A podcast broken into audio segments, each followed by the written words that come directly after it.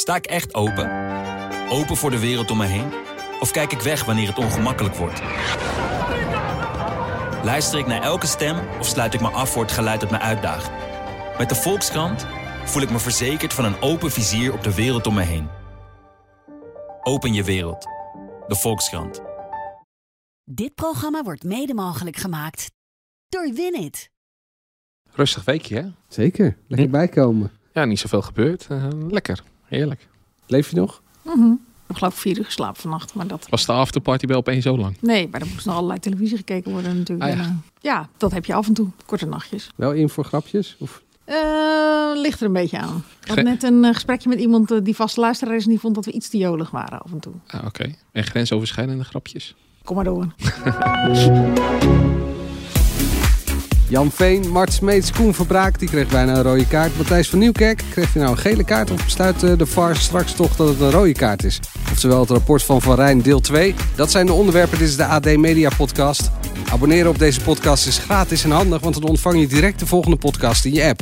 Dat kan heel simpel via Spotify of Apple Podcasts bijvoorbeeld. Als je voor het eerst luistert, welkom. Als je vaker luistert, minstens zo welkom. We hebben vaste gasten. TV-columniste Angela de Jong, die van die stukjes. Mediajournalist Dennis Jansen, wie? Dennis Jansen. Dennis Jansen. Dennis Jansen. En uh, mediajournalist eh, Mark den Blank is onze audiohip zonder de boomers. Eh, je bent er nog twee keer met deze meegerekend. Ja, ja, na deze nog één keer. Vinden we daarvan? Jammer, heel jammer. Heel jammer.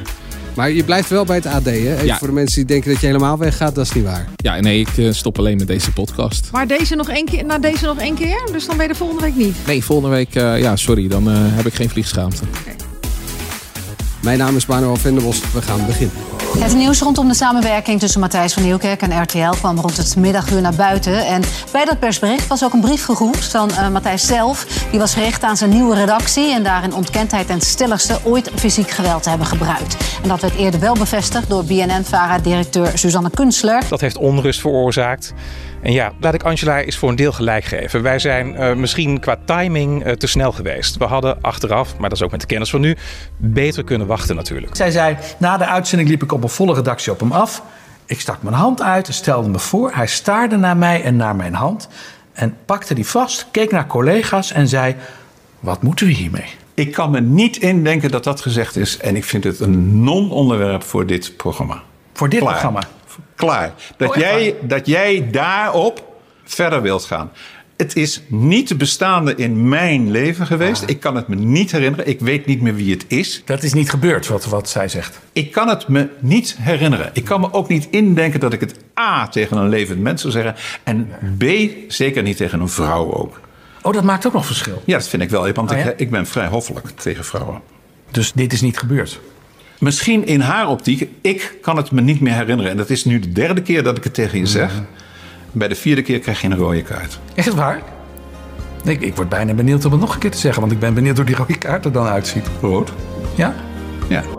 Ja, straks eh, praten we door over die bijna rode kaart die eh Koen Verbraak kreeg van Mart Smeets. Of gaf hij er hiermee een, eentje aan zichzelf? Misschien eigenlijk dat wel. Ja, ik denk dat hij zichzelf eh, een eh, slechte dienst heeft bewezen. Nou, eh, daar gaan we het zo meteen over hebben. Maar eerst het rapport van Van Rijn de week after. Voor de mensen die nog niet van de hoed en de rand weten over dit onderwerp. We hebben hier afgelopen vrijdag een extra mediapodcast over gemaakt. En die stond helemaal in het teken van het rapport van de commissie van Van Rijn. Het grensoverschrijdende gedrag bij de NPO en de wereld draait door in het bijzonder. Zeker na de uitspraken van BNN-VARA-directeur Suzanne Kunstler. Nu is er voortschrijdend inzicht bij RTL en Matthijs van Nieuwkerk. Want maandagmiddag kwam er naar buiten dat de samenwerking alsnog on hold wordt gezet. En dat is opvallend, want voor het weekend kwam er juist nog een bericht naar buiten dat RTL voornemens was dat er een dagelijks programma met Matthijs zou komen. Rond de Olympische Spelen, Matthijs in Parijs. En ik hoorde jou eh, in het clubhuis van RTL Boulevard zeggen. Dat is wel een beetje lachwekkend. Ja, maar het is het toch ook? Als je donderdag een persbericht uitdoet van, of een statement uitdoet, laat ik het zo zeggen. Van nou, we hebben het gelezen, we vinden dat er niks is veranderd. We gaan gewoon lekker met Matthijs werken aan zijn nieuwe programma's. En daar houden we dan de aanbevelingen van de commissie van Rijn, eh, die worden daarbij leidend. Op vrijdag kwam nog een keer datzelfde statement. Ze wilden geen vragen beantwoorden. En toen werd er ook via Boulevard bekend dat er aan een eh, Olympische talkshow werd gewerkt. Nou, dan zijn er kennelijk, is er iets gebeurd in het weekend. Zaterdag en zondag zijn er dan indringende gesprekken gevoerd. Waarbij ze dan maandagmiddag het persbericht naar buiten doen. Omdat ze opeens het licht hebben gezien van nou nee, dit kan toch niet meer met Matthijs. Er is toch te veel gebeurd. Maar iets gebeurt. Dan vind ik het heel erg lachwekkend. Ja, maar eh, iets gebeurt. Eh, jij schreef in je column, de sponsor heeft zich teruggetrokken. Dat eh, is wat ik hoor, ja. Kijk, weet je, het zijn, eh, je weet natuurlijk hoe dat gaat. Er zijn allemaal van die gesprekken die worden dan gevoerd. Mensen beginnen druk uit te oefenen. Dus ze krijgen natuurlijk allerlei signalen dat dit niet goed valt bij. Er is geen merk dat zich nu aan Matthijs van Nieuwkerk wil verbinden. Er zijn geen mens, geen weldenkend mens gaat nu bij hem aan tafel zitten. Misschien behalve Jan Slachter en Johan Derk. Niemand wil met hem gezien worden. De beschuldigingen die er nu liggen zijn echt dusdanig erg dat dat gewoon niet zomaar kan passeren. En dan kun je niet denken dat je daar even gewoon gezellig lekker een talkshowtje gaat staan maken. Waarbij de sporters gaan zitten vieren dat ze een medaille hebben gewonnen. Ja. Aan, de andere kant kun je ook het nog, want nu zeggen de sponsors misschien nee en dat soort dingen. Maar kijk ook naar van de mensen die voor hem zouden gaan werken. Er was nog geen eindredacteur, die redactie was verre van compleet. Maar ook als kijker, als je dit soort verhalen hoort, nie- niemand wil eigenlijk nu op dit moment naar Matthijs van Nieuwkerk gaan kijken. Of in ieder geval, als je al kijkt, dan zit er toch altijd een beetje iets in je hoofd van, ja, gaat dat wel goed eh, achter schermen? Of zelfs nog van, Heeft hey, iemand bij de keel gegrepen? ja, maar of Denk je toch? Je zit zelfs nog te denken van, hé, hey, wat is er bij de Draait Door gebeurd? Dus je zit niet meer onbevangen naar die man te kijken. Ja, dan wordt het gewoon heel lastig om iemand op tv te brengen. En eigenlijk vind ik het ook een tikje lachwekkend wat hij zegt, eh, Peter van der Vorst, over, eh, ja, ik geef Angela een beetje gelijk, maar met de kennis van nu. Ja. En toen dacht ik, ja, maar die columns die Angela heeft geschreven. En niet alleen Angela, want ik denk dat er legio aan mensen waren die allemaal hebben gezegd van ja, dit is te vroeg. Had het rapport afgewacht. Zelfs bij Boulevard waren er mensen die dat zeiden, had dat rapport afgewacht. Ja, en Dat was als het slimste om te doen, maar dat was ook het meest fatsoenlijke geweest om te doen. Voor de camera van eh, RTL Boulevard zei hij dit. Het was niet het leukste weekend, kan ik je vertellen. Want dit zijn hele ingewikkelde gesprekken die we met elkaar moeten voeren natuurlijk. Het waren lange, intensieve gesprekken, soms ook emotionele gesprekken. Want het is nogal wat. Het zijn nieuwe beschuldigingen die Matthijs ontkent. eh, ehm, maar ja, eh, waar hij nu ook wel mee moet dealen. En dat is ingewikkeld. Ja, er zijn eh, nieuwe beschuldigingen geuit. eh, die eh, best ernstig zijn natuurlijk. Het zijn publieke beschuldigingen. Daar moet je zorgvuldig mee omgaan. Dat ligt allemaal heel gevoelig. En daarom hebben we besloten om nu even op de rem te trappen. En de samenwerking met Matthijs on hold te zetten. En daar is hij het zelf ook mee eens. We zijn echt gezamenlijk tot dat besluit gekomen. Eh, ook los van elkaar, maar ook gezamenlijk. Dit is echt het beste om te doen op dit moment. Er is eh, onrust nu ontstaan en we moeten rust creëren. Dat is de reden waarom we nu ook even echt samen op die rem trappen. Ja, dit is een, een ingewikkelde situatie eh, waar we met z'n allen in verzeild zijn geraakt. En we moeten gewoon even goed gaan nadenken hoe we hier nu verder mee om willen gaan. Dat geldt eh, voor ons, het geldt voor Matthijs. Die tijd hebben we gewoon nodig met elkaar. Ja, Dit had ik geloofd. ja. Als en dan had ik gelijk... geprezen als hij dit op vrijdag had gezegd. Of op donderdag. Nou, donderdagavond kwamen de, je had natuurlijk de rapportpresentatie en dan had ik als ik RTL was geweest eh, de verklaring uitgedaan van weet je we hebben dit nu gehoord, we gaan het bestuderen, we gaan met Thijs praten, we komen erop terug. Maar vrij, donderdagavond kwamen natuurlijk eh, had je het interview met eh, Suzanne Kunstler in de Volkskrant en bij Sofie en Jeroen. En er kwam natuurlijk Ehm, een persbericht over dat hij ontkent van eh, Matthijs. Er kwam meteen, die donderdagavond. Ja, maar dat doet voor dit verhaal even niet zoveel ter zake. Ik bedoel, donderdagavond werden die beschuldigingen Jawel. aan hem geuit. Zeker, maar hij, begon, hij kwam toen meteen met ik ontken alles. Dat kwam hij, daar kwam hij zelf mee.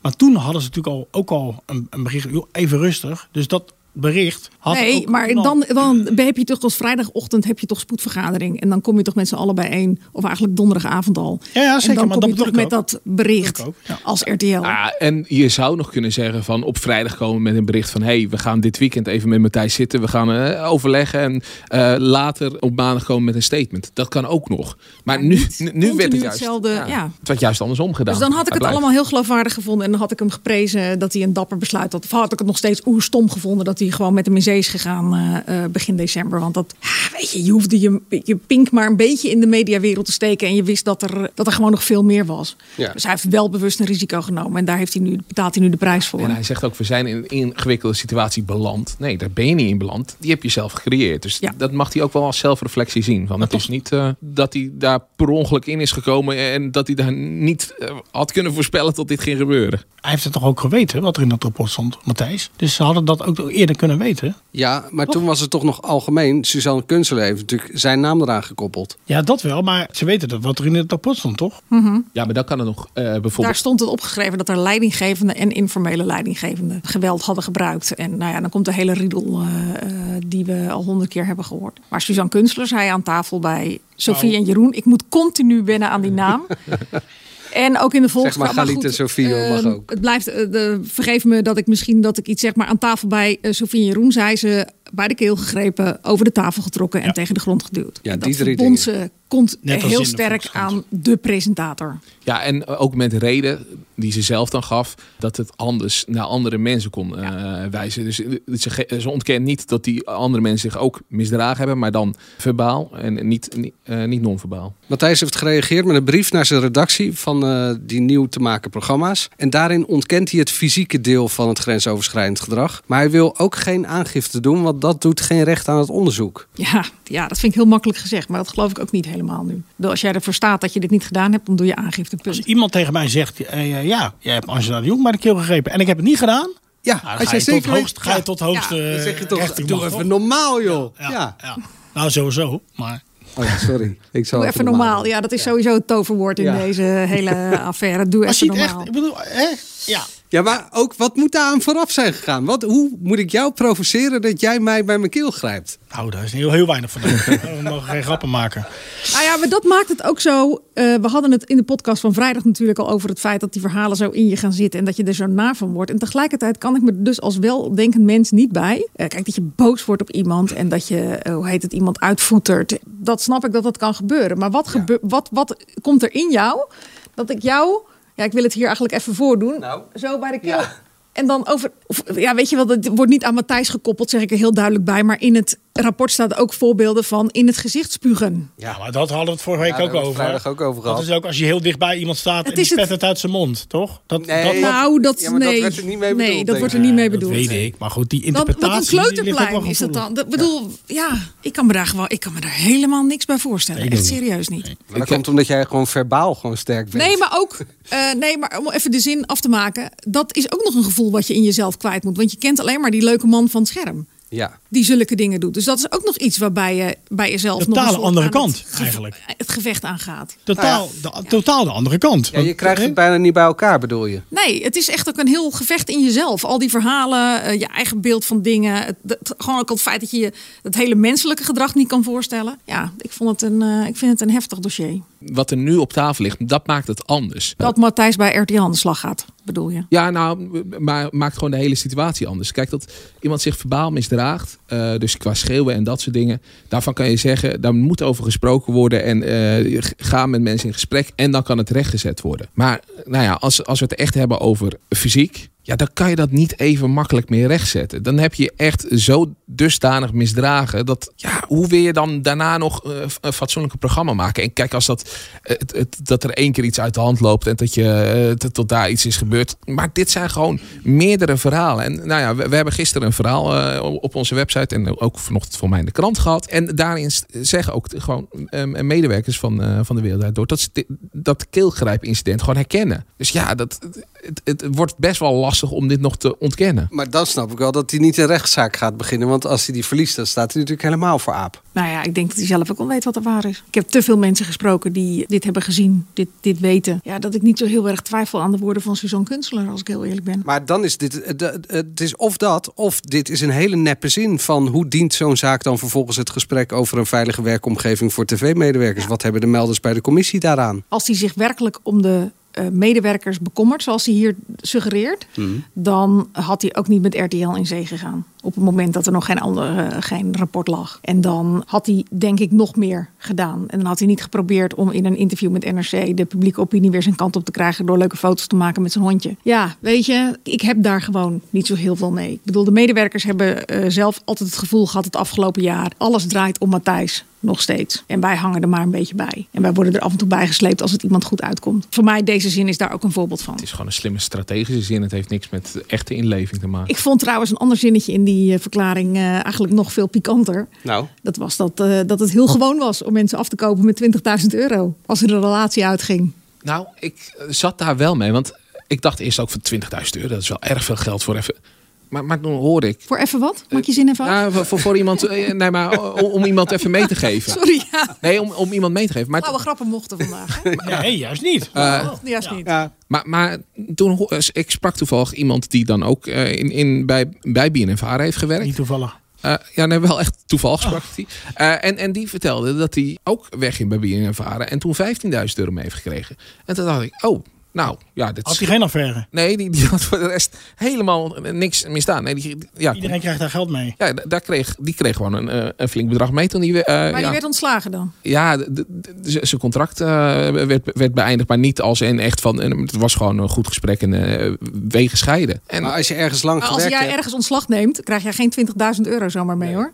Nee, ja, Ook 15 niet is bij de VARA. Nee, ja, ik weet ook niet precies hoe, hoe het werkt, maar het is blijkbaar... Het waren een paar maandsalarissen. Dat stond ook in het stuk Ja. van Suzanne Kunstler. Ze kregen een paar maandsalarissen mee. Omdat Maar ze naar ook- de directie was gestapt. Omdat het een onwerkbare situatie Maar wat, was. wat, wat ik wil zeggen is dat het een Ja. best gebruikelijke situatie is dat er geld mee wordt gegeven. Dus dat dat bedrag op zich niet gek is. Dat je iemand vanwege een affaire dat bedrag meegeeft, dat is natuurlijk wel Maar gek. daar Dat, doelde ik natuurlijk op. Hè? Tuurlijk, maar want een bedrag kan best hoog zijn als je ergens al lang werkt. Ja, ja, ja, en het waren een paar maandsalarissen. Als dat, wat is gebruikelijk in zo'n drie tot zes maanden? Nou ja, deel het door dat bedrag. En dan valt het echt nog wel mee. ja, voor zes maanden is 20.000 best wel normaal. Maar het feit dus dat daar een relatie was, dat werd geoordeeld, wij kunnen niet verder. En zij werd laan uitgestuurd. En dat was heel gebruikelijk. Die zin is toch echt wel raar. Ja. Sorry hoor. Eh, als we het dan toch over geld hebben. Matthijs sinds eh, 1 januari in dienst bij RTL. Krijgt hij dan ook betaald? Ja, dat opperde Raymond Mensen gisteravond ook. Daar moet ik het antwoord schuldig op blijven. Dat weet ik niet. We hoeven in ieder geval, als het contract wel ontbonden wordt en hij niet betaald krijgt, geen medelijden met hem te hebben hoor. Want hij krijgt ook fors betaald door media alleen. Dus eh, geen medelijden Oh, met dat- Matthijs daar is wel een constructie. gebied. Nee, hij is bij de commerciële omroep. Dus, eh, Hij is volgens mij ook niet in dienst bij RTL of zo. hoor. Volgens mij is hij in dienst bij eh, Media Alleen. En, en wat, volgens mij hebben ze nooit gecommuniceerd dat hij een contract heeft getekend bij RTL. Maar hoe zit dat dan? dan Zij hebben media? Gecommuniceerd dat ze een samenwerking aangaan met Matthijs van Nieuwkerk. Ja, samenwerking aangaan. Maar ja. dan huren ze hem in en dan betalen ze hem wel ergens voor of betalen ze media alleen voor het inhuren van Matthijs van Nieuwkerk? Of ze betalen gewoon alles, voor het, ja. voor het zijn eind- allemaal hele goede vragen. Ja, dat gaat ons niet aan, toch?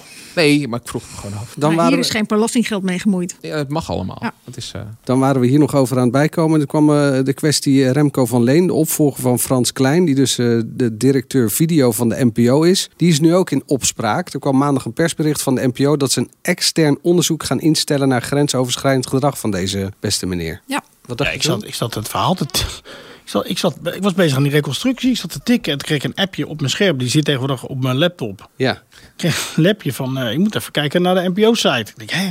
Nou, nou, inderdaad. Alles komt er tussendoor. En eh hè, Mats Smeets, eh, Frans Klein. eh, eh, het was een grensoverschrijdend dagje gisteren. En je denkt toch even, er werkt geen normaal mens meer in Hilversum. Het zijn allemaal rare, allemaal rare mannen. Ik wilde eigenlijk gewoon een leuk interview uittikken met uh, Domien Verschuren gisteren eh, de hele dag. Dat heb ik de hele dag ingeruimd. Maar Daar heb ik dat- vandaag ook weer allerlei dingen over gehoord. Dat hij ruzie liep te maken met uh, Edcilia Romney. maar dat Nee, terzijde. nee. Ja, je hebt een stukje gelezen en je hebt de hele podcast niet gehoord. En je hebt ook niet het moment gezien bij Klopt. de, eh, de radioring. Dat Ik heb alleen wel een, een audiofragmentje gehoord van Edcilia. Ja, het was gewoon niet zo eh, leuk wat uh, Celia deed bij de radioring. Maar voor de rest is het ook voor mij niet een... eh, En het was ook niet grensoverschrijdend. Nee, nee, dit was Terug gewoon naar een- uh, Remco van Leen. Nou ja, ik weet het niet. Ik uh, ken hem uh, eigenlijk niet.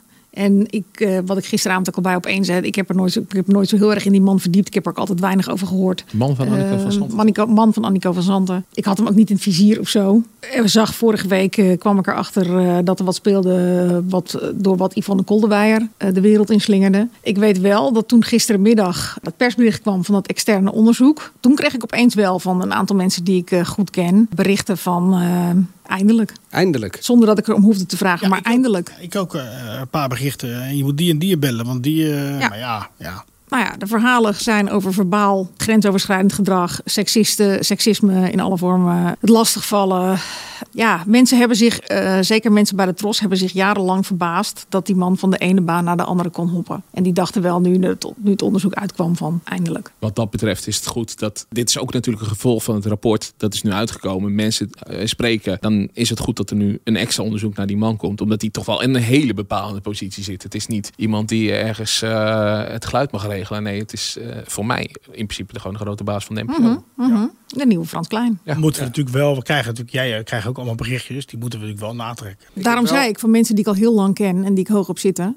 Die, uh, die mij dit zeggen. Dus ik voel me daar. En ik bedoel, volgens mij is de berichtgeving uh, de afgelopen dagen ook duidelijk geweest over hem. Nou ja, het persbericht van de NPO is NPO en Van Leen waren op de hoogte van één eerdere melding waarin sprake zou zijn van mogelijk grensoverschrijdend gedrag door Van Leen. Dus dat was dus al gebeurd. En toen dacht Frederik Leeflang, die ga ik toch maar aannemen deze Ja, maar mag ik hier heel even, als er één melding ligt, die is onderzocht. En er kan een conclusie zijn geweest van, ja, hier is misschien iets niet helemaal goed gegaan. Maar Of eh, hij heeft gezegd van, oh, dit heb ik niet goed gedaan, maar ik ga mezelf werken. Dan betekent niet dat je natuurlijk met één melding volledig gecanceld mag, moet worden en nooit meer zo'n baan kan krijgen. Dus bij dat is het natuurlijk anders. Maar als wat Angela net zegt klopt, van eh, er zijn meerdere verhalen en het is meer en het is eh, standaard iets wat hij doet. Ja, dan is het raar dat hij nu in deze functie zit en dat dat niet beter onderzocht is. En daarom is het goed dat er een onderzoek is. Ja. De naam is al even gevallen. Frans Klein, hij was verantwoordelijk voor De Wereld Draait Door. En daarna de hoogste baas bij de NPO. Zijn topadvocaten die leunen misschien wel eh, genoegzaam achterover. Ja, die denken ook, eh, het zal wel even. Laat eerst Matthijs maar even de kastanjes uit het vuur halen. Alle ballen op Matthijs Ja. en eh, wij doen even niks. Nee, het rare is dat duiken in deze zaak ook helemaal niet zo'n heel gekke strategie is. Nee. Zeg ik met heel veel cynisme en eh, eh, ook gewoon heel veel onrechtvaardigheidsgevoel wat er dan meteen naar boven komt. Maar Djokovinia, Nou, die duikt niet echt, want die eh, maakte een grapje over dat ze iets als tafelheer of dame wilde. Ze komt eh, op, op de dag dat Matthijs terug op Threads kwam ze met een documentaire de- waar ze aan mee heeft gewerkt. Een aankondiging, toch? Ja, een aankondiging. Het, ja, ik, ik ben de titel. maar help de- me even met het grapje, want dat ken ik niet. Het grapje tafeldame, tafelheer. Nee, gewoon over dat, een dier. En dat wilden ze als tafelheer of tafeldame hebben. Dat gooiden ze gisteren of vandaag in, eh, op, op, op, op social media. Publiceerden gewoon dat ze een documentaire had uitgebracht. En dat ze daar zo lekker had gewerkt met het team. Dus ik dacht, ja, dit is niet helemaal het moment om dat allemaal naar buiten te brengen. Ze brengt dit naar buiten. Djokovinia, heel trots op. Hard aangewerkt met een geweldig team. En de, Maar op de dag hè, dat, dat eh, eh, van het nieuws van Matthijs, gisteren dus. en de documentaire heet Het Pact van de Duivel. Pak met de Met duif. de duivel, sorry. Maar, En waar gaat het over?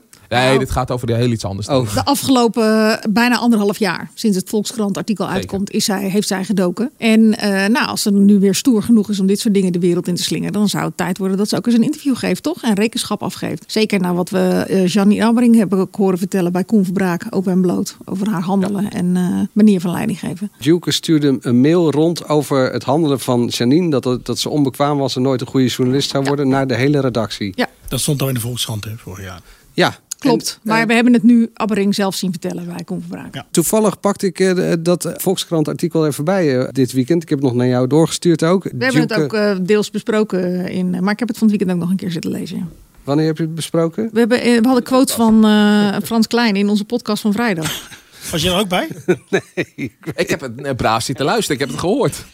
Dat hij, ja, dat Matthijs naar alle commerciële omroepen kon. En dat hij daar veel meer geld kon verdienen. En dat Frans Klein hem alleen maar bij de VARA kon houden. Door hem zoveel mogelijk Ja, creatieve oh, vrijheid en alle ruimte te geven. Oh, dat kwam ook uit dit interview. Dat kwam ook uit dat eh, Volkskrant dat had verhaal. ik niet helemaal scherp. Nee, ik heb nu ingezoomd op wat zij zegt over Matthijs. Zijn woedeaanvallen waren heftig. Hij leek op zulke momenten een ander persoon. Ik heb ook wel eens huilend voor hem gezeten. Hij reageerde daar ongevoelig op en liep weg. Matthijs is niet het type dat zich bekommert om het wel en wee van collega's. Maar hij is ook een charmeur. En die dubbele houding had hij vanaf het begin. Het werd heftiger naarmate het succes groter werd. Dus eigenlijk beschrijft ze daar al die dingen dat je zegt van nou, hij kan wel eens een keer iemand naar de keel gaan grijpen. Ja, weet je, dus ik, ik, Lekkere charme. nee, ja. Nee, er Maar zijn het- dus... dat, ja, of ze dat eigenlijk kanten. zegt. Of, ja, maar dat is ook. Jij begon er net over, Mark. Over mensen kunnen wel eens boos worden. En je kan wel verbaal uit je slof schieten. Maar wat je hoort van de oud-medewerkers. Is dat het juist de onberekenbaarheid is. En dat ook dat soort. Ik bedoel, als iemand gewoon. eh, Ik ken hier ook zat mensen die in het verleden echt tegen mij hebben staan schreeuwen. Maar daar zat voor de rest geen dubbele bodem bij. En dat werd niet gebruikt om je aan te trekken en weer af te stoten. En om al die dingen te doen. En er zit hier nog een veel psycho logischer, ik wilde zeggen psy- psychopathischer, maar laat ik het netjes houden, psychologischer laag onder. Waarbij mensen echt, ja, langzaam maar zeker gewoon ook in hun hoofden geprent kregen of dat ze niks konden. Zelfs redacteuren die al jaren bij andere programma's hadden gewerkt en daar prima functioneren naar de wereld Draait Door en daar overtuigd raakten van het feit, nou, ik kan helemaal niks. Het klopt wat ze zeggen. Ik kan gewoon helemaal niks. Ook door mevrouw Winia eh, werd ze verteld, nou ja, ik kan gewoon, je moet maar een baantje ergens anders nemen, want jij kan gewoon niet. En dan kwamen ze bij Jeroen Pauw en Witteman eh, terecht. Nee, daar kwamen ze vandaan. Nee, daar kwamen, daar kwamen nee, ze daar vandaan. gingen Daar ze kwamen ze ook vandaan. Nee, Nee, daar maar- kwamen ze ook vandaan. Ja, daar kwamen ze ook vandaan. Maar dan kwamen ze soms ook gewoon terecht. En dan dachten ze, eh, dat zei Jeroen Pauw in die docu van... Ja, dat eh, dit is een afdankertje, wat moet ik ermee? En dan bleek het eigenlijk gewoon hele goede medewerkers te Ja, zijn. zeker. Ja. Vind ik ook wel goed dat hij dat een keertje hardop zegt. En dat, eh, dat ook de documentaire heeft gehaald. Want er wordt natuurlijk altijd heel makkelijk geroepen. Het zijn altijd de tere zieltjes, zijn de mensen die niet functioneerden. Hier weet je gewoon van iemand die net zulke hoge eisen stelt aan zijn uitzendingen. Dit waren wel gewoon goede mensen. Eh, even over dat woord wat jij eh, bijna half inslikte. Eh, Frans Klein wist van Matthijs ingewikkelde karakter, zegt uh, Duke Winia in de Volkskrant van vorig Mhm. jaar. Dat werd als vervelende bijwerking beschouwd. Frans noemde Matthijs tegen mij een soort psychopaat. Mhm. In de sfeer van we weten toch allemaal dat hij een gebruiksaanwijzing heeft. Nooit is er actieve bekommernis geweest over de veiligheid of menta- mentale staat van de redactie. De directie koesterde het succes. Gesprekken over een keerzijde werden op een zijspoor gezet. Het was er BNN Vara alles aangelegen dat de wereld draait door doorging. Ja, nou ja, dat hebben we toch wel gezien de afgelopen dagen ook Ja. in het rapport. Ja. Ja. Straks eh, die docu eh, buiten beeld van eh, Koen Verbraak over grensoverschrijdend gedrag. We hebben het al een paar keer genoemd en een paar dingen uitgenoemd. Met bijna een rode kaart voor Mart Smeets. Maar nu eerst dit. Dit is het radiohoekje. Dus Angela, even je mond houden alstublieft. Even door met normale mensen. Eh, even een audiomonumentje voor de presentator van Candlelight, Jan van Veen.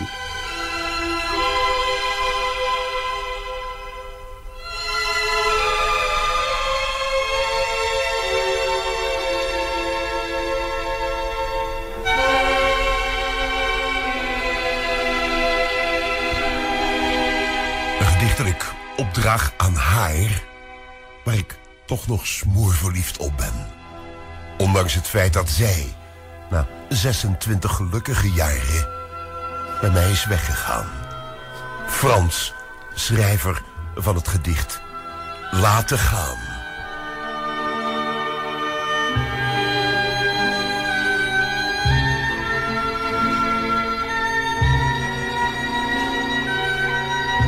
Toch ook nog even twee, twee zinnen gedicht. Wat zou het zijn als ik de tijd terug kon draaien? Ik zou staan in vuur en vlam, in lichterlaaien. Wat zou het zijn als ik geluisterd had? Ik zou hebben op onze toekomst meer vat. Die zin moet, moet ik even onthouden voor mijn Sinterklaasgedichten. je moet ervan houden. Nou ja, maar dit is echt wel een, een, een icoon natuurlijk geweest. Die, eh, Nou, vooral die stem. En maandag kwam het bericht dat de man met de zwoele gedichten voorleesstem is overleden aan een gevolg van de spierziekte ALS. op Oh 14 god, dat, dat had ik nog niet eens meegekregen. Ja, een, en een, Oh ja, kort, ziek, en een kort ziektebed. Dus dat, dat denk ik, nou, Het is een heel progressief dus. Ja, ja. ja, Ja. Rot, eh, rot hoor, voor hem. Rot einde. Een rot einde. Maar ik vond dit, ik zat bij, dit, dit was toch niet een parodie die we nu Nee, nee, zagen? nee, Want het was, echt. het was echt, dit was zo over de top. Ja. En toch was dit het. Laaien. Nou, hebben wij dat allemaal geluisterd? Ja, ik niet, sorry. Ik wel. Ja? Ja hoor. Toen Ja, ik, ik heb eh, heel regelmatig wel langs horen komen. Je ook het muziekje toch? Ik Ja, ga niet zingen, ook. maar Can I Get There by Candlelight? ja. Nee, zeker, nee, toen ik eh, ja, v- v- 13, 14, 15, dan eh, hoopte ik eh, dat er nog wel bepaalde gedichten voorbij kwamen. Maar ja, die kwamen dan niet. Heb jij ze geschreven? Ja? Nee, niet geschreven, maar ik hoopte dat ik ze, dat ik ze ontving. Oh, Lieve ja. Manu. Van, van A voor M, weet ik veel, zoiets. Oh, Angela. Welke? Nou, die ene zin, dat zou ook zomaar in Sinterklaasgedichten kunnen staan. Met dit metrum ook? Denk het wel. Op eh, 14 februari op Candlelight eh, Radio, dat is een online station, staat ook helemaal even in het teken van ehm, Jan van Veen. Buiten beeld is een documentaire van eh, Koen Verbraken over grensoverschrijdend gedrag. intimidatie van eh, tv-mastodonten. Met onder andere Mart Smeets, die je net al hoorde in het fragment. Die bijna een rode kaart uitdeelt aan interviewer Koen Verbraak. Bizar fragment, toch? Ja, dat fragment was echt bizar. Maar ook wel tekenend voor Ome Mart. De manier waarop hij daar Koen Verbraak eh, behandelt, eh, herkennen, nou, denk ik 99% van de mensen die Mart wel eens eh, hebben geïnterviewd of hebben moeten bellen met een of andere vraag, die herkennen dat wel hoor. Dat je dan zo houtin werd, eh, ja, hoe noemen we dit, afgeblaft. Ja. In de hoek werd gezet als een klein kind. Wa- wa- Wat ik een heel grappig fragment nu met terugwerkende kracht vind, en toen trouwens ook al, dat is het moment dat Mart aan tafel zit bij Matthijs van Nieuwkerk. Tafelheer Ali B. En ja, ik tot, zag het op eh, social media gisteren. en tot Mart eigenlijk de sympathieke van allemaal is als je er nu op terugblikt. Eh, en eh, ook nog met de uitspraak. Met de kennis van nu. Ja, met de kennis Peter van nu. van de Vorst het met de kennis Ja. van nu. En dat hij dan ook nog gewoon de uitspraak doet. als je dat echt denkt, dan ben je nog stommer dan wat je eruit ziet. Ja, dat is toch. Ja, Tegen Matthijs. ja tegen Matthijs. Dus, En dat meende hij ook. Ja, hij dat- was getergd. maar dan weet je ook, met dat fragment weet je eigenlijk al hoe Mart is. En ja, dat, dat moment met, met, met Aisha. Ik moet het wel goed Aisha. zeggen. Ja, dat, dat vind ik dan wel heel laag. Maar voor de rest dan denk Even ik... uitleggen toch, of niet? Of moeten we dat niet... Nou, iedereen die deze podcast luistert, die weet wel wat er met Nou, Aisha Aisha Magadi- die, die ging zich voorstellen aan eh, Mart Smeets. Ze gaf hem een eh, hand en eh, hij pakte die hand vast en hij liet eh, die hand aan de hele redactie zei van wat moeten wij hiermee? Ik vind dat trouwens geen onderwerp voor deze podcast. Wat? Ja, dat zoiets zou Mart hebben gezegd. Ja, je werkt mee, dat is ook zo bizar. Je werkt mee aan een eh, documentaire of een interviewreeks over grensoverschrijdend gedrag. En dan vind je dit geen... maar goed, Hij dat- kan het zich niet meer herinneren. als, als hij dit heeft gedaan, dat vind ik heel laag. Maar voor de rest, bij Mart wist je wel wat je kreeg. Dus eh, dat is niet onberekenbaar, hoe we het net over Matthijs hadden. Ja, het is gewoon een Norse man die, die zo, zich zo gedraagt. Ja, dat vind ik, die is toch met pensioen. Eh, Die gaan we niet meer terugzien op een redactie. Dat, dit, voor mij, dat soort types zijn er hopelijk ook gewoon niet meer. En als ze er zijn en je ziet het, zeg er wat tegen. En zeg, doe normaal, denk ik. Ik heb Koen gebeld gisteravond. Koen Ten eerste- Verbraak. Koen Verbraak, de, de, de maker. Ik zeg, Ter braak volgens Johan Derksen. ik, zeg, hoe, eh, ik zeg, hoe ging je dan uit elkaar? Weet je, ik dacht, hoe ging dat dan? Weet je, dan, dan... Ja, voor mij had de camera nog wel even door mogen lopen hoor. Nadat, ik was eh, zo benieuwd naar, ik was zo benieuwd naar, ik dat tot het einde van de podcast maken? Nee? Nee, nee, we, zitten zit we hangen aan je lippen. Hij zegt, Matt was heel tevreden. Die eh, ging eh, heel tevreden naar huis. Hè? Ja, die, ja, die was gewoon tevreden. En die ging eh, echt met een tevreden gevoel naar huis. Ja. Maar waar heeft hij dan zijn excuses voor aangeboden? Toen hij zichzelf terugzag. Ja. Pas de afgelopen dagen zag hij zichzelf Ja, terug. En toen dacht hij opeens, dit was toch niet zo goed? Of de, de ophef vond hij vervelend? Ja, ik denk dat zijn vrouw misschien wel tegen hem heeft gezegd van... Hey, Er dit, wel mensen ge- ge- geweest zijn die inderdaad hebben gezegd... Nou Mart, kijk even, Mart kijk even hoe je. Hij dacht echt dat hij er heel hoffelijk zat te doen. Nou, misschien is dat wel de hoffelijkheid die hij bedoelt. maar er waren ook nog mensen die, die vonden het een beetje een gek tijdstip. Kwart over elf. eh. Deze documentaire. dat, eh, dat had te maken met eh, dat ze natuurlijk niet wisten wanneer het rapport van Van Rijn eh uit ja, zou komen. maar, maar, maar mag... ik even nog uitpraten. Oh, sorry. Dan zei ik, ja, toen, toen kon het alleen maar daarna ingepland worden. Maar wat ik hier wel gek aan vind, als je toch elke talkshow laat je erover gaan. Overal wordt erover gesproken. Ja, dan kan je toch ook wel zeggen, nou, wat, prog- welk programma hebben wij om half negen staan? Op NPO 1, maakt het uit, want het gaat toch de hele... Die schuiven we een weekje verder en we zetten het daar neer. Vond ik ook. En dat zei ik ook tegen hem. En hij zei, ja, ik ga daar niet over. Nee. Dat. Nee, hij Maar niet. de NPO had het 11, NPO makkelijk. 2 is natuurlijk gewoon echt compleet weggestopt. slaat nergens op. maar Dat ik las wel het hoopvolle bericht dat heel veel mensen het op NPO Start hebben gekeken. En nou ziet ook. Dat is, hoe heet het, gewoon fijn. En je merkt dat, dat natuurlijk mensen toch makkelijker daar naartoe gaan. En ik vind het ook in die zin wel echt wel een aanrader. Nog niet eens zozeer omdat er... Ik vond zelf persoonlijk... eh, er zat een fragment eh, van iets, een voorval in bij Sterren eh, op het doek. Dat bleef allemaal best nog wel hangen, vond ik. Ik kreeg daar niet helemaal de vinger achter wat daar nou precies gebeurd was. Maar ik vond eigenlijk het eerste gedeelte... waarbij dus een aantal presentatoren vertelden... wat roem in je hoofd met je doet. Ja. En eh, kort zorg. hoe makkelijk het is om daarmee, om die roem met jou op de loop te laten gaan. En om te gaan geloven dat het ook echt zo is. En hoe belangrijk sommige andere dingen zijn. Dat vond ik er persoonlijk eigenlijk het, eh, nou, het interessantst aan. Nou, Amber Korthoff was daar ook vrij eerlijk in. Die was onzeker, die werd eindelijk gezien. Dat was wel, nou...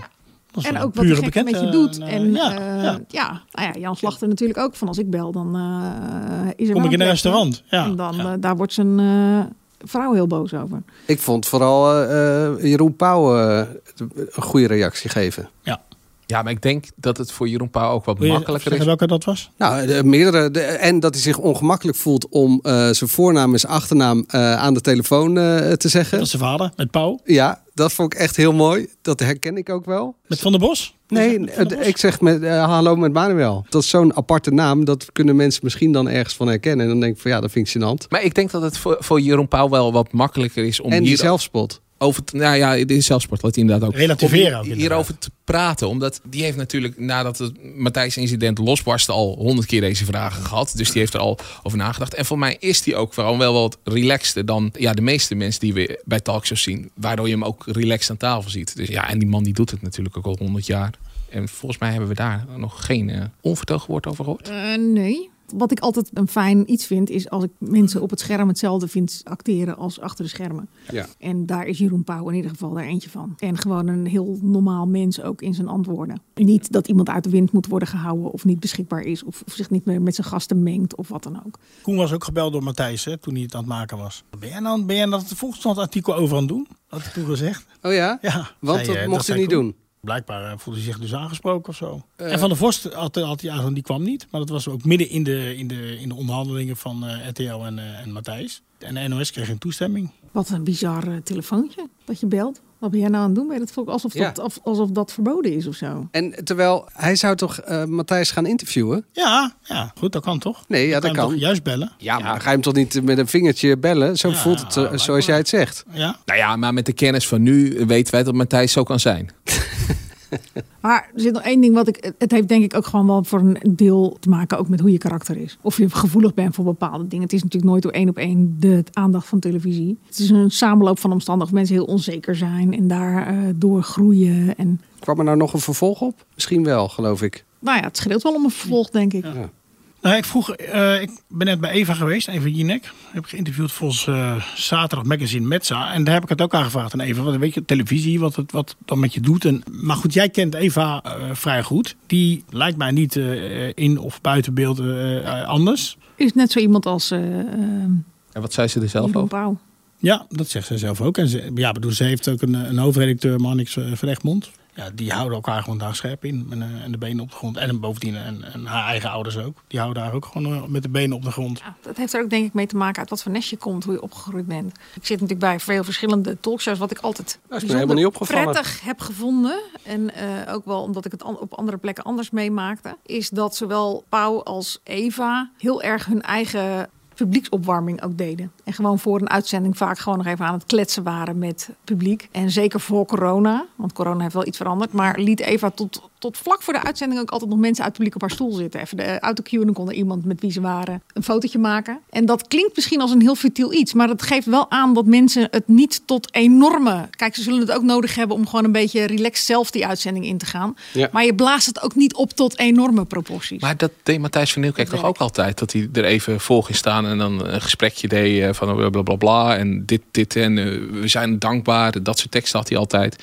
En daarna ging hij pas aan de uitzending beginnen, herinner ik mij. Maar t- in de studio dan? Ja, de studio, nee, ja. klopt, klopt. Maar ik heb ook bij Margriet van der Linden gezeten. En die kwam niet eh, de studio in voordat ze een coming-up moest doen. En dan was ze meteen ook weer weg. En daar was werkelijk geen interactie met het publiek hoor. Dus eh, het geeft ook aan hoe je er zelf in staat. En hoe relaxed je ermee omgaat. En dat vind ik, ja, dat neemt mij ook altijd voor mensen in. Als ze Ja, gewoon goed, heel gewoon ook- en heel benaderbaar blijven. Ik heb ook gevraagd aan haar team hè, hoe, dat, die- hoe de omgang gaat, eh, hoe de omga- omgang is, eh, eh, hoe, hoe zij die heeft met, met haar eigen team. Ze zegt ja, ik heb gewoon met, nou ja, niet iedereen even dingen, maar ze heeft heel veel persoonlijke dingen met haar eigen team. Ze zegt ik ben gewoon niet anders dan, dan thuis, zeg maar. Ik bedoel, ik ben gewoon met dat team hetzelfde. Ik, ik, hè, met, met die wissel ik kattenfilmpjes uit en met die heb ik dit en met die heb ik dat. Die indruk heb ik met, had ik met Matthijs niet. Maar bij Eva ging het toch ook niet helemaal lekker toen zij van RTL naar NPO ging. Toen kon ze haar team niet volledig informeren omdat ze eh, geheimhouding en dat soort dingen had. Dat lijkt me dan wel weer heel onprettig. Ja, ja, ja. Nee, daar heb ik het ook over gevraagd. Maar goed, ja, sommige dingen kunnen niet. En heeft ze nog iets gezegd over Matthijs? Eh, nee, eigenlijk niet.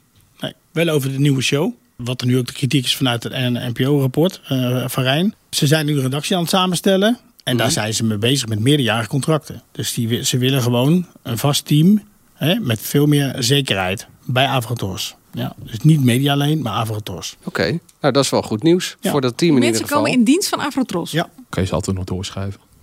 Nou, dat zeker zo. Ja, want dan zullen ze in eh, de maanden, in de zomermaanden misschien. eh, dat gebeurde met het team van Jinek en Pauw ook. Dat, eh, dat je kwam sommige mensen in de die echt expliciet Jinek deden, kwam je dan in de bepaalde maanden tegen achter de schermen op Radio 1. Dan maakten ze daar, werkten ze mee aan een programma. Ja, goed, dan kun je wel bezig, dan kun je wel een project starten op ja, een lange termijn. Kun je Ja. ergens naartoe en dan hebben ze meer zekerheid, meer rust. Maar dat was bij Pilot Studio natuurlijk ook zo. Hè? Daar zijn de mensen gewoon in dienst. Ja. Dus daar had ze ook een heel vast team wat altijd gewoon werkte. Ja, maar daar ja, zijn ze nu wel wat alerter op. Ja. En het was ook een van de aanbevelingen van Van Rijn. Hè? Dat mensen het gevoel hebben dat ze serieus worden genomen. Dat ze dingen kunnen aankaarten als ze het niet bevallen. Volgens mij was het een van die mediameiden ook die zei van het werkt natuurlijk ook de andere kant op. Als mensen een vast contract hebben. Kijk, als ze weten we zitten er nog maar drie weken. Ja. Dan accepteer je niet alleen meer wat er met je gebeurt. Maar je haalt ook zelf makkelijk je schouders op van weet je het zal wel. En het is voor de leidinggevende daar ook makkelijk om te denken. Nou we moeten nog drie weken uitzitten met die persoon en dan is hij weer weg. Ja. Als het nog gewoon, als het een vaste aanstelling is, dan ga je veel meer het gesprek aan. Dan ga je veel meer investeren in mensen natuurlijk. Ja. Angela's etalage. Angela de Jong. Angela. De enige etalage van Angela waar je wel in wil staan. Voor de rest valt het eigenlijk best mee. Angela's etalage. Nou, wat staat er deze week in je etalage? Een dramaserie. Oh, Ja. Had je ook nog even tijd voor om die te bingen? Ja, die heb ik. eh, het waren vier afleveringen en die heb ik vorige week woensdagmiddag zitten kijken, omdat ik gewoon eh, hele Oh, voor goede de- verhalen voor de drukte uit. Voor de drukte uit. En toen Ja. had ik één middag vrij en toen dacht ik, wat zal ik eens gaan doen? Zal ik mijn huis gaan opruimen? Zal ik eh, wat anders? Toen dacht ik, nee, ik ga toch televisie kijken. Dus het is gewoon een zootje. Zeker, het is echt een takkenzootje, man. Echt, dat wil je niet weten. En het gaat daar heel slecht op. Nee, willen we niet weten. Klopt. Willen maar onze weten. hulp is eh, vandaag, onze onvolprezen hulp is vandaag weer bezig. Ik had er hele goede verhalen over gehoord. En, Je hebt nog ehm, niet gezegd wat? Ja, ik, ik Oh, voer de oh, spanning op. oh. Mr. Bates versus de, die Post Office. eh, een Engelse eh, dramaserie over een enorm schandaal in Engeland. Wat eigenlijk, als ik het makkelijk moet uitleggen, het meeste vergelijken is met ons toeslagenschandaal in Nederland. In de afgelopen, eh, nou ja, echt van de jaren 80, 90 eh, tot nu zijn er heel veel eigenaren van postkantoren daar beschuldigd van diefstal, van fraude, omdat er dingen in hun systeem niet klopten als ze de kas opmaakten aan het einde van de avond. En al die mensen die wezen steeds naar het computersysteem, dat kon niet anders dan dat dat iets een fout veroorzaakt. En dat werd altijd onder de tafel geveegd. Als ze ook belden met vragen, kregen ze altijd door... nee, je bent de enige die hierover belt. We hebben nooit andere klachten over het computersysteem. Nou ja, dat bleek een mega schandaal te zijn. Want dat bleek inderdaad het eh, onvolprezen Horizon systeem te zijn. Eén Als dat hetzelfde is als de Horizon Box van mij van Ziggo, dan eh, weet ik wel dat Dit was, het een een ander, klote dit was een ander bedrijf Ehm, in ieder geval. Ja, hier ook. Nee, ik moet zeggen, ik heb echt heel weinig problemen met Ziggo. Echt, Echt? serieus, ja. Ik heb gewoon meer mijn- slechte verhalen erover. Maar wij hebben echt gelukkig afkloppen. Super grappig, want hij zegt het. En ik denk, ja, wij hebben ook zo'n Horizon. Ja, wij hebben ook zo'n box. ja. Dan zit ik weer te drukken, dan zit ik weer te drukken. Dan doet hij Dan het weer heel een goed. beeld van- Ja, krijgt de kleren. Ik heb gewoon mijn wifi-verbinding heb ik gewoon omge, omgeschreven naar rukverbinding. Dat als die monteur weer moet komen, dat hij dan zegt. Wat, nou ja, goed. Ja, ga verder. ga verder met, eh met bij het ons in de straat zit er volgens mij ook iemand met die ook iets van die klote kut wifi. eh, nou, nou, als wat een heeft. taalgebruik. Ja, sorry. Nee, maar eh, het verhaal eh, spitst zich toe op eh, Mr. Bates, eh, een van de eigenaren van zo'n postkantoortje, wat vaak ook veel meer was nog. Het was het hart van zo'n dorp waar ook nog een tea- room bij zat en andere dingen. Nou, het begint heel langzaam. Die, die, die weigert om schuld te bekennen, waar andere postkantoor-eigenaren wel schuld bekennen en ook soms de gevangenis ingingen om zomaar onder een heleboel dingen uit te komen. Terwijl de post ze helemaal niet had mogen vervolgen. Dat begint bij hem en hij trekt zich eerst terug, maar later blijkt dat gewoon de hele zaak steeds groter wordt. En dan wordt het een hele kluit met mensen die dan toch helemaal onderaan en langzaam opklimt in dat eh, rechtssysteem. Nou ja, het is dus dat enorme schandaal, maar het is ook gewoon een eerbetoon aan de gewone man die niet met zich laat zollen en die ook zichzelf af en toe verbaast met alle stappen die hij neemt. En eh, geweldige acteurs. Het is ook echt een Engelse serie, want in Nederland heb je dan toch heel vaak Barry Atsma die een brilletje en zijn haar moet kammen en dan wordt het een hele saaie belastingadviseur. Dit zijn hele gewone mensen, heerlijke Engelse acteurs. Waar kan ik het kijken? NPO Start. En ik hoop van harte, en ik beveel het ze ook van harte aan, om dit gewoon echt op televisie uit te zenden. Mijn moeder zou dit namelijk ook echt heel leuk vinden. Nou, heel en mooi. Als Angela's moeder dat leuk vindt om uit te zenden, dan zegt dat wat. Om te kijken. Mijn moeder zendt het niet uit. Kijken jullie nog ergens naar uit? Mark? Ja, naar mijn vakantie volgende week. Even denken, waar kijken we naar uit? Daarna- Trouwens, ik kijk uit naar over twee weken. Dan ben jij voor het laatst. Drie. Ben jij nou Drie nog twee weken. we- Jij bent er nog Ja, twee maar hij is er twee keer niet. Op onze verjaardag, 27 februari, is Mark er voor het laatst. Oh ja, jullie zijn... Ja, dat is- Mark, dat is of, mijn eh, Dennis en ik jullie. zijn allebei op dezelfde dag jarig. Jullie vieren het ook altijd samen, hè? Leuk. Komt Johan Derksen langs? Ja. Moeten we dan taartregels? Maar jij bent er nog Zeker. dus niet. We moeten Jawel. taart Ja, op, op, Oh, bent 27e is de laatste. ja, op jullie verjaardag ben ik er voor Ben de laatst. laatste? Ja. Oké. Een cadeautje, toch? Hey, en hoe oud worden wij dan samen? Weet ik niet, ik word 48. Worden we dan uh, over de nog geen 100 100? samen? Nee, nog lang. Nog lang niet. Absoluut wel. Dennis, jij bent toch tegen de 60? Of hoe oud word je? Ik ben niet te provoceren. 42. En jij, wat zijn nou? 48. Kijk jij nog ergens naar uit? Ik kijk nergens naar. Ja, een beetje rustig tikken. Rustig verhaal tikken. En jij? Ja, ja, ja. Hm? Volgens mij begint er vanavond een nieuw seizoen van Down the Road. En dan de echte uit België. Op NPO 3. Ah, dat waren ook de grote winnaars bij de Kastaars. Dat is de Belgische prijs voor de beste televisieprogramma. Volgens mij zag ik dat net ergens langskomen. Dat dat dat Dus met, met, eh, Dieter, Dieter, Koppens. eh, Met onze Koppens? held Dieter Koppens. Ja. Sorry. Gezondheid. Er zit wel een beetje... Kijken jullie wel films? Nee, jij niet. Sowieso niet. Jij? Nee. Jij Kijk niet? wel Nee. eens films. Saltburn. Nee, maar ik kijk gewoon tv. Daar heb ik al genoeg aan. Oké, nou laat maar zitten. Dat is mijn werk ook. En misschien moet jij ook eh, tv Vond dit kijken. een leuke filmpodcast? Geef ons dan even een duimpje in je favoriete podcast app. Abonneer je, dan krijg je als eerste verse podcast. We zitten op Instagram, AD Media Podcast. Ik had volgens mij nog wel luisterpost, maar die heb ik niet eh, paraat. Dus Volgende week. Een andere keer weer. Want dan ben jij er niet, hè? Niet jolig was het toch? Viel mij toch? Oh, we doen nu al de evaluatie? Klaar. Ja, op. klaar. Afzetten. Ja, op Moet aan het werk. Op. Voor het laatste media nieuws ga je natuurlijk naar ad.nl slash show. Ben je klaar met media? Wat dan? Nou, dan heb ik een hele goede tip. Hm? Doe gewoon even wat aardiger tegen al die mensen om je heen. Doe normaal. Doe normaal. Doe normaal. Ja. Tot volgende week. Ja, dit was dus niet jolig. Dit was prima. Dit was prima. Anders de, de, de, de boze luisteraar dat hij even een berichtje stuurt of dit goed genoeg was. Is er helemaal geen leespost? Helemaal niemand. Helemaal niemand. Je wil... Ze zijn het ook zat, denk ik. Denk Ja, niet? zet hem maar gewoon uit hoor.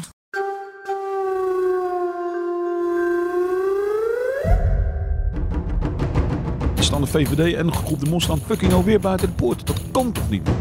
Maar toen ging het hier helemaal mis op het stadhuis. Dat is ook waarom ik het OM echt super kneuzerig vind. Ze gaan er echt voor. Beluister de nieuwe afleveringen van Oh de Mos op ad.nl slash podcast of via je favoriete podcast app. Sta ik echt open? Open voor de wereld om me heen? Of kijk ik weg wanneer het ongemakkelijk wordt? Luister ik naar elke stem of sluit ik me af voor het geluid dat me uitdaagt? Met de Volkskrant voel ik me verzekerd van een open vizier op de wereld om me heen. Open je wereld. De Volkskrant.